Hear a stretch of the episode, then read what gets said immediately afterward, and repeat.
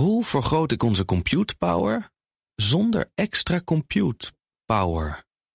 Lenklen, Hitachi Virtual Storage Partner. Lenklen, betrokken expertise, gedreven innovaties. De column van Ben van den Burg.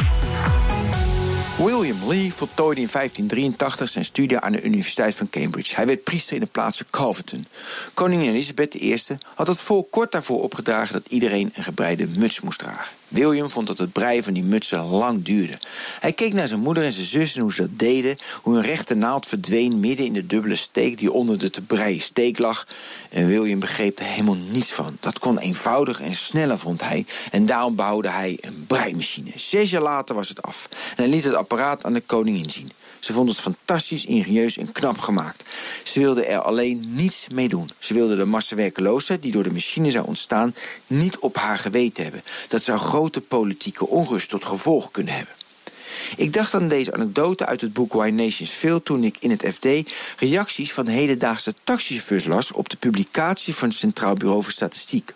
Het CBS meldde deze week dat het aantal taxibedrijven de afgelopen twee jaar met 55% groeide. Dat hebben we te danken aan de app-industrie en aan het wijzigen van de taxiwet op 1 januari 2016. Daardoor kun je nu eenvoudiger taxichauffeur worden. Desondanks gaan de zaken niet goed in de taxibranche als je luistert naar de chauffeurs. Casadou heeft nog maar enkele ritjes per dag en verder heeft hij niks te doen. Abel Dij klaagt over de dure, moeilijke opleiding die hij voor de wetswijziging volgde. En dat is natuurlijk niet eerlijk. De hedendaagse Uberchauffeur en monnik wijst vanzelfsprekend op het oude monopolie van de traditionele taxibedrijven. Ze konden hoge prijzen voor korte ritjes vragen en dat is nu voorbij.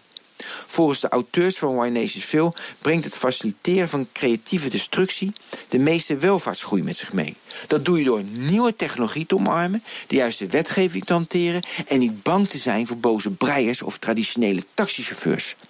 De zaken gaan dus eigenlijk geweldig in de taxibranche als je naast de chauffeurs ook het perspectief van de klanten mee laat tellen. De consument kan in vergelijking met een paar jaar geleden eenvoudiger en goedkoper een taxi nemen.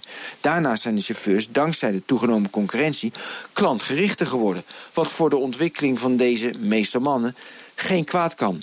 Hun vrouwen vinden dat ook geweldig.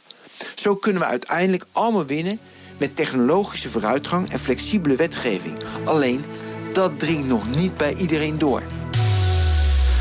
De column van Ben van der Burg die lees en luister je terug op bnr.nl en in de BNR-app. Hoe vergroot ik onze compute power zonder extra compute power?